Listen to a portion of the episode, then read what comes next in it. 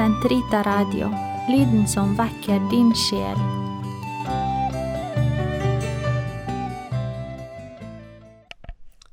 Kroppens teologi, en kommentar til pave Johannes Paul 2.s onsdagskatekeser av Eirik Ambrosius Stenhoff.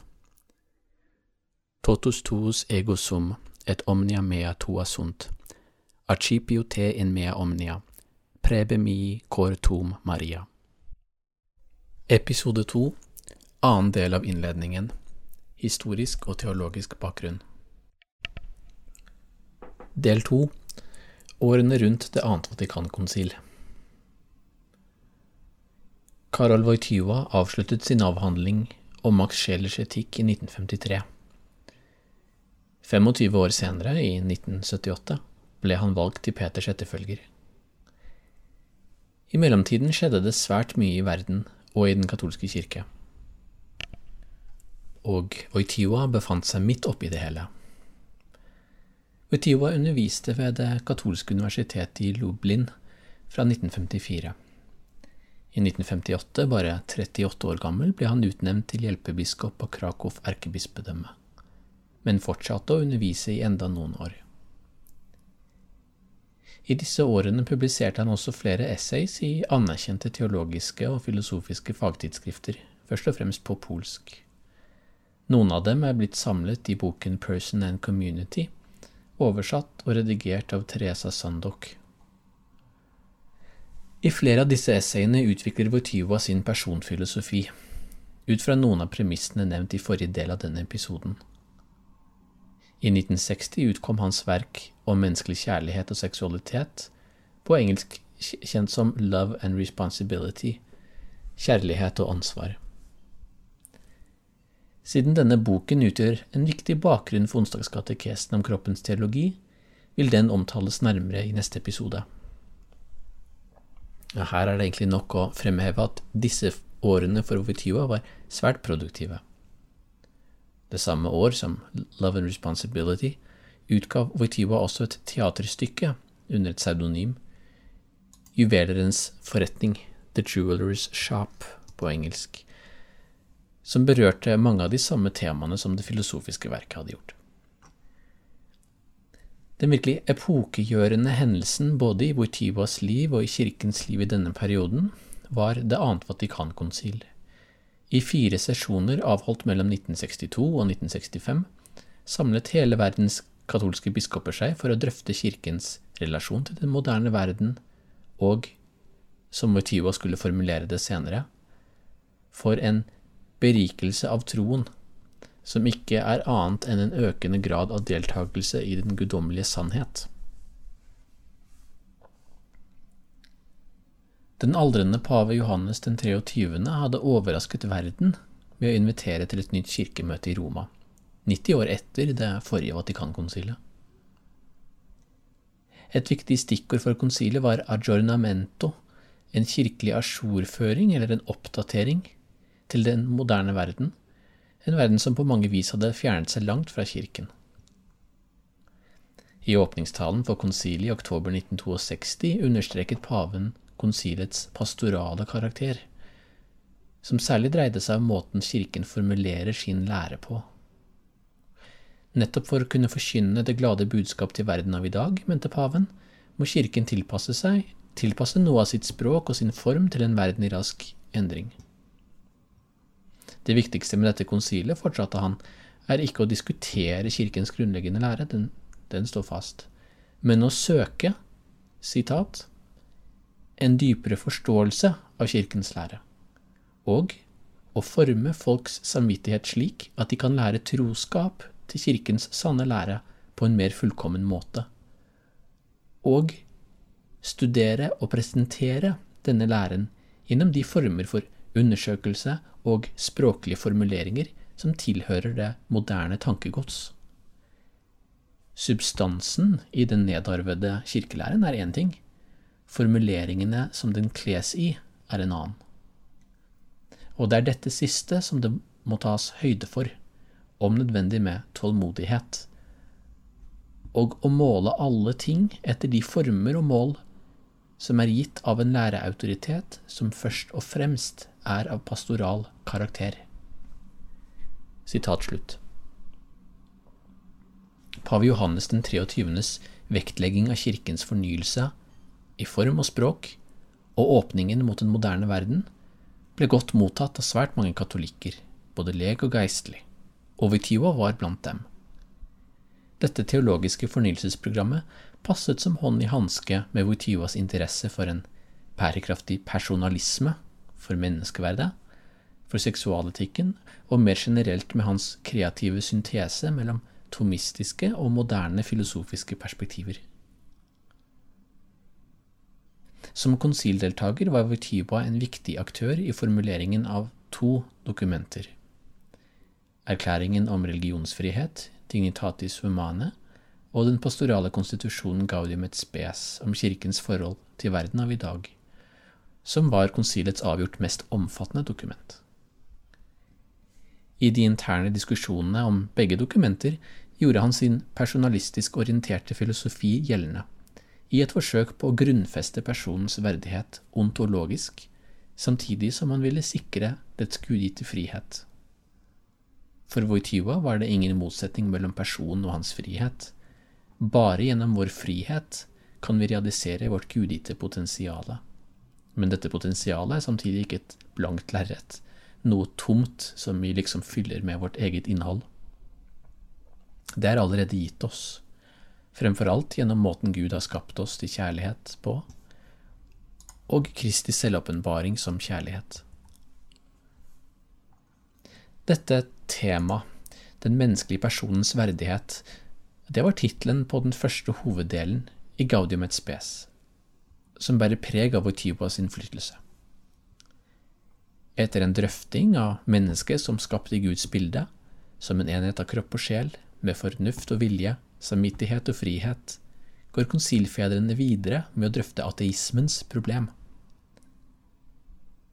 På den ene side slår dokumentet fast at avvisningen av Gud fører til en avvisning av menneskets verdighet. Altså selve grunnen for menneskeverdet er i vårt sitat, kall til fellesskap med Gud. Sitat slutt. Gaudium et spes 19. På den annen side gjør dokumentet det klart at også de troende kan ha en viss skyld i denne avvisningen. Sitat I den grad de forsømmer sin egen opplæring i troen, eller underviser falsk lære, eller kommer til kort i sitt religiøse, moralske eller sosiale liv, må de sies å skjule heller enn å åpenbare Guds og religionens virkelige ansikt. Sitat slutt. Denne slående innrømmelsen fra kirkens egne biskoper var nok et forsøk på realitetsorientering i en tid hvor sek sekulariseringen virkelig var begynt å skyte fart. Men hvordan skal Kirken møte en slik situasjon, der man opplever en svekket tillit til Gud og hans vilje for menneskeheten, ikke bare utenfor, men innenfor Kirken?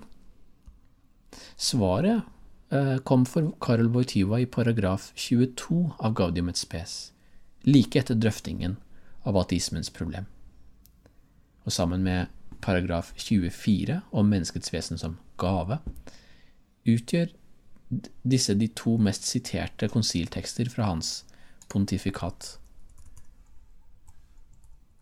Første del av Gadium et Spes 22 lyder som følger, sitat, Menneskets mysterium finner ikke sin sanne belysning annet steds enn i det menneskevordne ords mysterium. Adam, urmennesket, var et forbilde på den som skulle komme, Kristus Herren. Og ved å åpenbare hemmelighetene om Faderen og hans kjærlighet, manifesterer Kristus, den nye Adam, fullt ut mennesket for det selv og viser det dets herlige kall. Derfor kan ingen undre seg over at de sannheter som er nevnt, nettopp i Kristus, finner sin kilde og sin fullendelse. Sitat slutt. Her ser vi hvordan konsilfedrene besvarte ateismens problem, som er selve menneskets problem. Hva er mennesket skapt for? Hva er dets sanne identitet og formål? Svaret ligger i Kristi inkarnasjon, som ikke bare åpenbarer Gud for mennesket, men mennesket for mennesket selv. Denne kristologisk orienterte antropologien, kan vi si, var i teorien selvsagt ikke noe helt nytt i kirkens historie. Kristi åpenbaring var alltid dens kjerne. Men denne åpenbaringens relasjon til mennesket selv var nok aldri, aldri blitt formulert på denne måten i et tilsvarende dokument.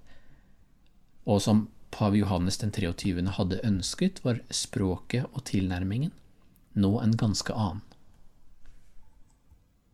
Noen år senere kommenterte Karol Wojtyła dette sentrale avsnittet, Gaudium Spes 22, som følger. Sitat. Vi synes her å ha nådd et avgjørende punkt i konsilets tenkning. Åpenbaringen av Faderens mysterium og av Hans kjærlighet i Jesus Kristus åpenbarer mennesket til mennesket, og gir det endelige svaret på spørsmålet Hva er mennesket?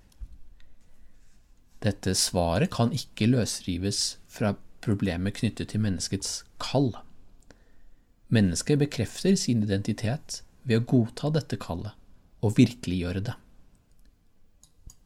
Mennesket må anerkjenne seg selv og sin sentrale plass i Guds evige plan, den kjærlighetens plan som har åpnet seg mot verden.